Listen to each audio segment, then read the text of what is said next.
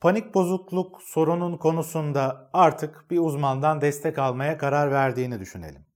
Bu noktada daha önceki bir videoda da anlattığım gibi panik bozukluğun çözümlenmesinde üçüncü basamakta ilaç ve veya psikoterapi desteği alabilirsin. Ve veya diyorum çünkü sadece ilaç ya da sadece psikoterapi desteğiyle de bu sorunlar belli ölçülerde aşılabiliyor. Tabii ki en ideali belli koşullarda özellikle de yüksek bir duygu durumu varsa, bu sıkıntılar yüksek derecede ise ilaçla birlikte psikoterapinin yapılması yönünde. Şimdi bu noktada psikoterapi desteğinde özellikle biz neler yapıyoruz? Bu konuda kafanda bazı soru işaretleri olabilir. Çünkü bu alan pek bilinen bir alan değil. İlaç alma konusu daha insanın kafasında bir yerlere oturabiliyor.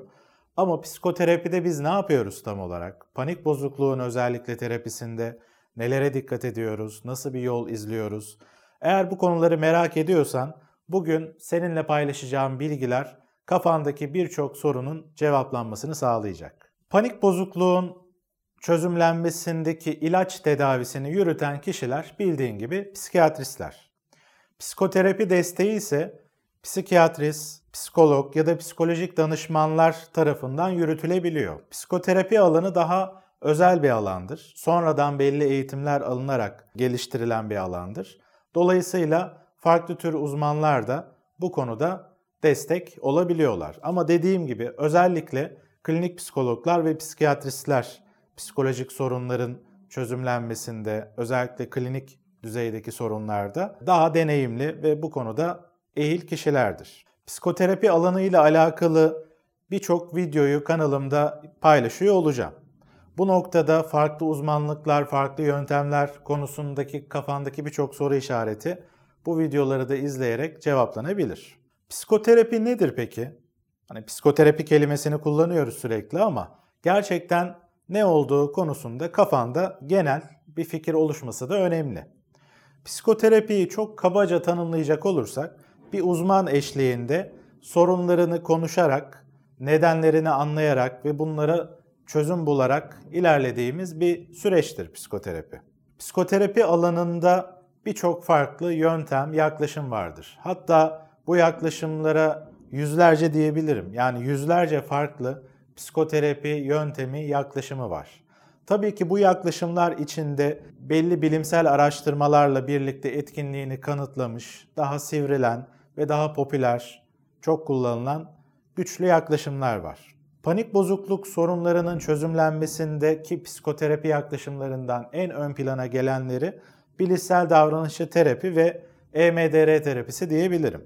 Bilişsel davranışçı terapi benim uzmanlığını ilk aldığım terapi yaklaşımlarından bir tanesi. Daha sonra sorunları daha derinlemesine ve özellikle daha uzun süreli sorunları daha etkili ve hızlı bir şekilde ele alabilmek için EMDR terapisi de benim özellikle son yıllarda uzmanlaştığım ve daha ağırlıklı kullandığım terapi yaklaşımı. Panik bozukluk konusunda gelen danışanlarım da EMDR ve bilişsel davranışçı terapiyi harmanlayan bir yaklaşımla çalışıyorum. Bugün seninle paylaşacağım bilgiler de bu iki terapi yöntemini harmanlayarak nasıl çalıştığımla alakalı genel bilgileri vermek üzerine olacak.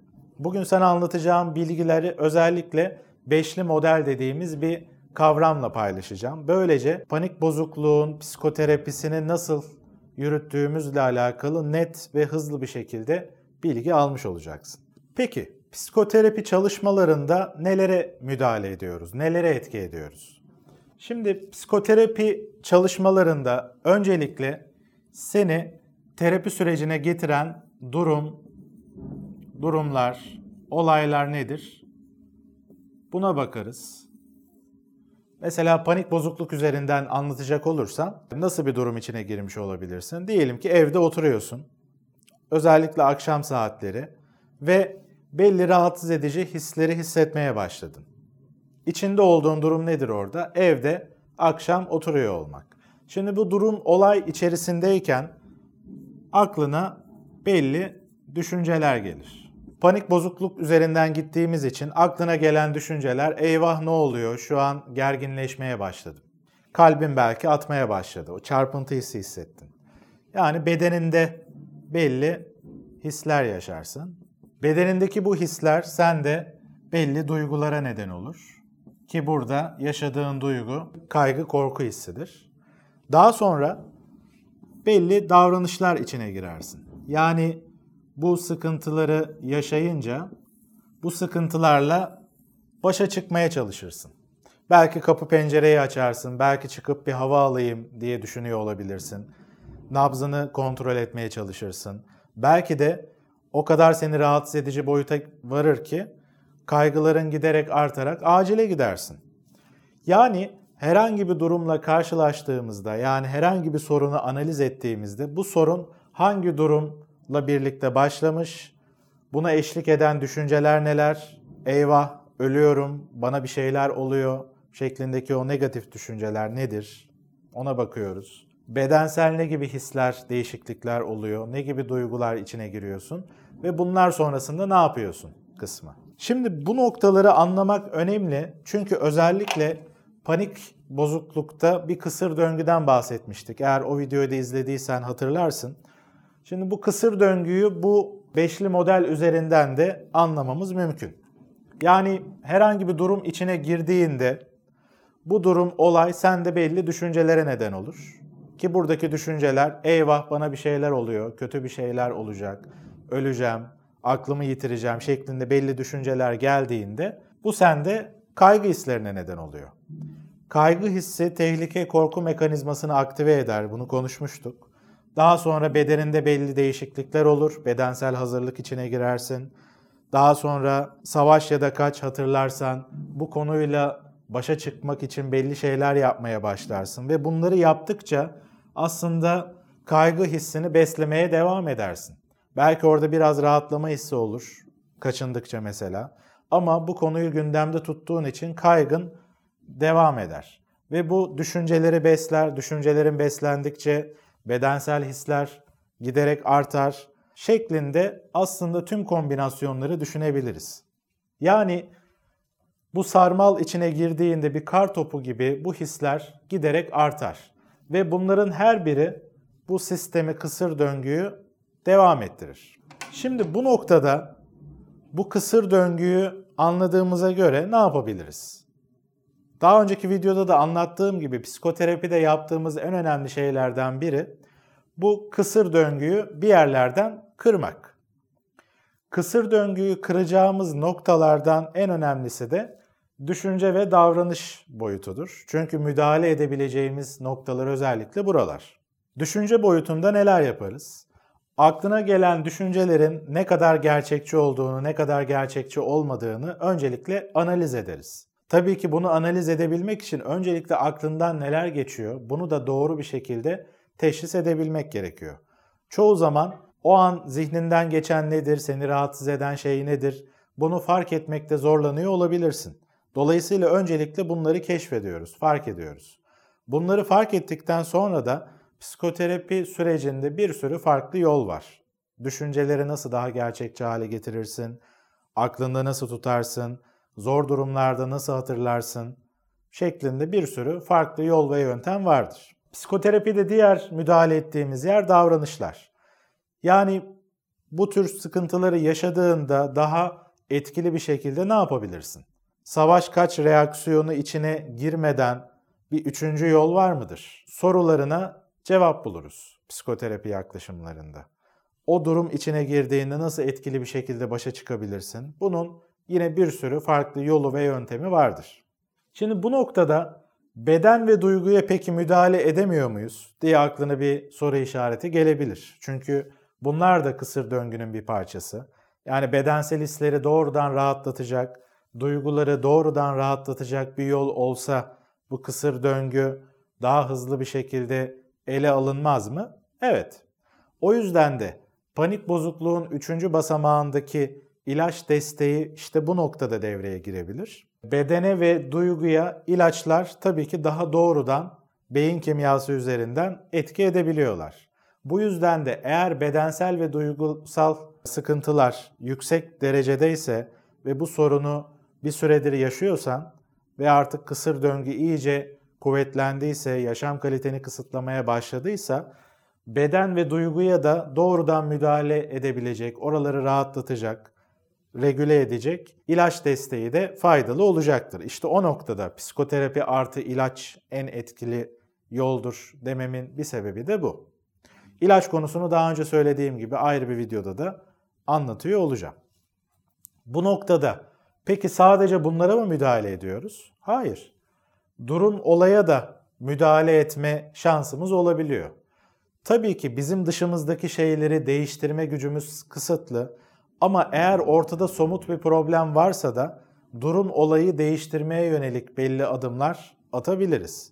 Bu noktada içinde bulunduğumuz şartlar, yaşam koşulları, belki sosyal destek anlamında eğer ortada somut bir problem varsa bunu nasıl çözebiliriz, neler yapabiliriz noktasını da psikoterapi sürecinde işleyip ele alabiliyoruz. Mesela diyelim ki eşin pek senin durumunu anlamıyor ve senin ihtiyaç duyduğun desteği sana vermiyor. Kaygılandığın zaman seni belki daha hızlı bir şekilde yatıştırabilmesi mümkünken belki sana yargılayıcı, eleştirel şekilde yaklaşıyor. Psikoterapi sürecinde böyle bir noktayı tespit edersek o noktada bu durum olayı daha etkili bir şekilde ele alabilmek için belki eşe yönelik bir bilgilendirici seans yapabiliyoruz. Seansa davet edebiliyoruz. Ya da bu süreçteyken belki eşine bu konuda daha uygun bir şekilde bilgi vermen konusunu konuşuyoruz. Ve o noktada eşin senin için daha destekleyici birisi haline gelebilir. Peki psikoterapide müdahale ettiğimiz boyutlar sadece bu boyutlar mı? Hayır. Psikoterapi sürecinde özellikle farklı yaklaşımlar farklı noktalara odaklanırlar. Benim kullandığım terapi yaklaşımlarında özellikle EMDR yöntemini de buraya eklediğimizde zaman boyutları üzerinden de bakmak anlamlı olacak. Şimdi bunu daha iyi anlaman için zamanı 3'e bölerek tahtaya yazalım. Şimdiki zaman seni aslında terapiye götürecek zamandır. Yani şu anda ben bu sıkıntıları yaşıyorum ve bu sıkıntılar benim yaşam kalitemi kısıtlıyor. Ve gidişata bakılırsa bu sıkıntılar gelecekte de olmaya devam edecek şeklinde bir kaygın var. Bu kaygı aslında seni panik bozukluk konusunda destek alma konusunda terapiye yönlendirir. E tabi baktığımızda da bu sorunlar şimdiki zamanda yaşadığın ve ileride de eğer böyle giderse devam edecek olan bu sorunlar tabi birden ortaya çıkmadı. Bunun bir geçmişi var. Geçmişte yaşadığın belli durumlar, belki travma olarak yaşadığın panik ataklar ya da onun çok daha öncesinde kendi aile yapından, bilinç dışı etkenlerden gelebilecek belli nedenler sonucunda şu andaki bu kısır döngü daha önceden de buna altyapı anlamında bazı etkenler olabilir. İşte EMDR yaklaşımında da biz aslında üç basamaklı şekilde ilerliyoruz. Geçmiş, şimdi ve gelecek şeklinde. Bu kısır döngüyü devam ettiren öncelikle geçmiş etkenleri ele alıyoruz. Tabi standart EMDR yönteminden bahsediyorum. EMDR'nin daha ileri düzey uygulamalarında kişiye özel şekilde bu yöntemi esnetebiliyoruz tabii ki. Ama en ideali öncelikle geçmiş yaşantıdan başlamaktır. Bu kısır döngüyü besleyebilecek geçmiş faktörleri öncelikle EMDR terapisinde işliyoruz. Daha sonra şimdiki zamanda bu durumları tetikleyen, besleyen, sürdüren faktörler neler? Bunları ele alıp öğrendiklerini gelecekte uygulamaya yönelik belli adımlar atıyoruz. Mesela bu noktada belki belli yüzleşme çalışmaları da olabilir.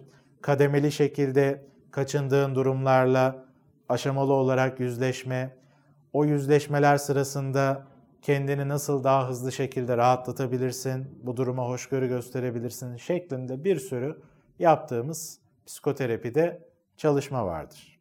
Ben kendi psikoterapi çalışmalarımda, danışanlarımla çalışıyorken özellikle panik bozukluk sorunlarında bunların tümüne, bu etkenlerin tümüne odaklanan şekilde ilerlemeyi tercih ediyorum. Çünkü başka türlü bir yerlerde bir şeyler eksik kalıyor ve tıkanıklık yaşanıyor. Bu noktada tüm bu faktörleri bir araya getirerek yaptığımız psikoterapi çalışmalarının etkili olduğunu söyleyebilirim.